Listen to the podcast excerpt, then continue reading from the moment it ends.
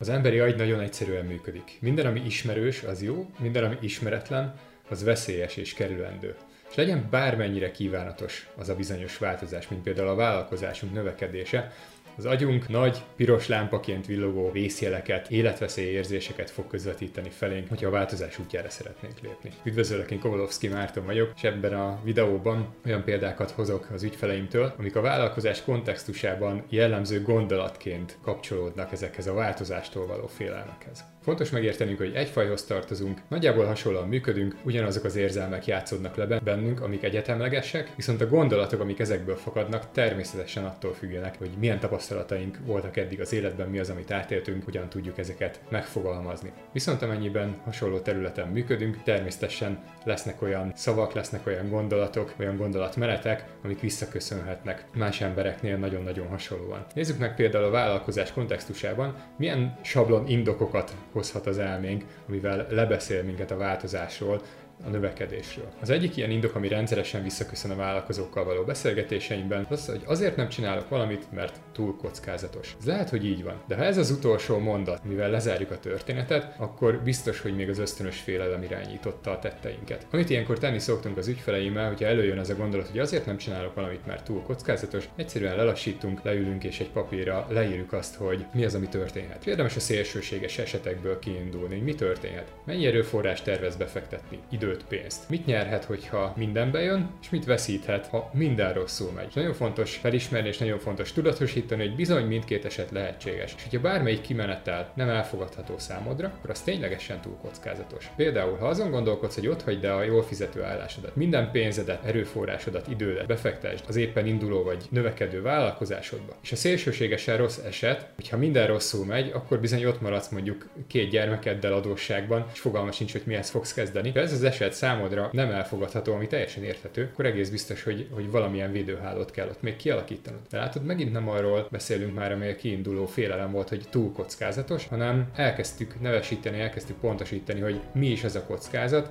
mi az, ami történhet, mi az, amire fel kell készülnöm. És hogy fel tudok készülni valamire, akkor az bizony már nem túl kockázatos, hiszen tudomásul vettem, hogy az bizony egy lehetséges eset. Aztán a legjobb és a legrosszabb esetőség után természetesen nézzük meg, hogy mi az, ami a legvalószínűbb. Az általában a kettő között lesz, és ha ez egy kívánatos végkimenetel számunkra, természetesen tegyük dolgunkat a lehető legjobban, ahogy tudjuk, törekedve a lehető legjobb kimenetelre, és aztán ne, le, ne lepődjünk meg, hogyha bármelyik másik történik, azzal együtt, hogy a legjobbunkat nyújtottuk. A pókerjátékos ügyfeleim gyakorlatilag másodpercenként hoznak ilyen döntéseket, mi a legjobb, mi a legrosszabb eset, mi a legvalószínűbb. Vállalkozóként megvan az a luxus, hogy ezeket higgadtan leírhatjuk, végigszámolhatjuk, hiszen nincsen mindig és nincsen soha, csak is a valószínűségek léteznek. A második ilyen sablonos gondolat, amit valójában a változástól való félelem indukálhat, az az, hogy egyedül is meg tudom csinálni. Menjünk bele ebbe egy picit mélyebben. És itt ilyen halmozott félelmek játszanak, Nézzük meg, hogy mi lehet ennek az oka. A növekedéshez így egyedül kevés vagy, nem érthetsz mindenhez, amire a vállalkozásod sikeréhez szükséged van, és ez rendben is van így. Viszont az elmét szerint ez a helyzet, ez kész katasztrófa. Hiszen egy, kiderült, hogy vannak dolgok, amiket nem tudsz. Az első reakció, hogy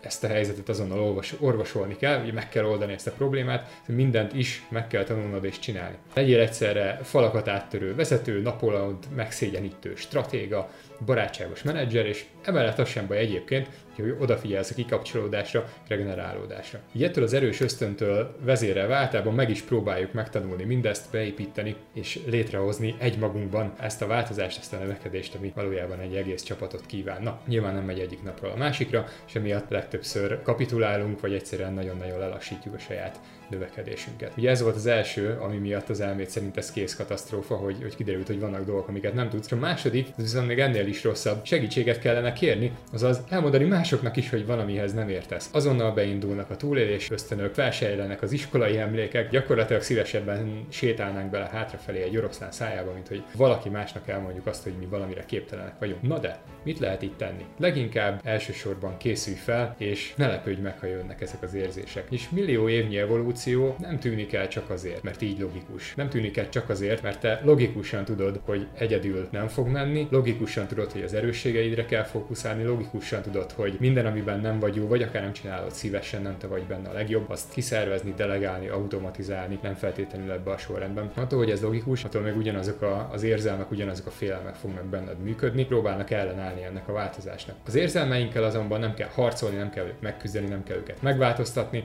nem kell őket elfolytani, egyszerűen éljünk velük. Azaz próbáld ki azt, hogy amikor félsz, akkor is meg tudsz tenni olyan dolgokat, amiket szeretnél. A harmadik és egyben leginkább észszerűnek tűnő gondolat, amiben megfogalmazódhat a változástól, növekedéstől való félelem, az az, hogy pont jó így, ahogy van, itt, ahol vagyok. És valóban, ha görcsösen küzdve törnél mindig magasabbra, és egy pillanatra sem állsz meg élvezni a munkád gyümölcsét, akkor gyakorold naponta, hogy hálásan sorra veszed mindazt, amit eddig létrehoztál, hogy mennyire szép az életed, és a többi, és a többi, ebben a pillanatban. De ezzel együtt, ha élvezettel gondolsz arra, hogy mi mindent lehet még, ha inspirálnak a célok, amiket még megvalósíthatsz, akkor miért nem mehetnél tovább? Sőt, ha élvezed, amit van, és jó érzéssel halasz tovább, annál könnyebb és élvezetesebb lesz az utad, és annál jobban érzed érzed majd magad az eredménnyel is. Hiszen már nem muszáj, nincs rá szükséged. Tehát ez a három gondolat, amivel az elmúlt időben találkoztam, hogy túl kockázatos, egyedül is meg tudom csinálni, hogy pont jó így, ahogy van. Mind a három gondolat igazából ugyanabból a félelemből táplálkozhat, ami az, hogy az elmény távol akar tartani minket bármiféle változástól, hiszen ami ismeretlen,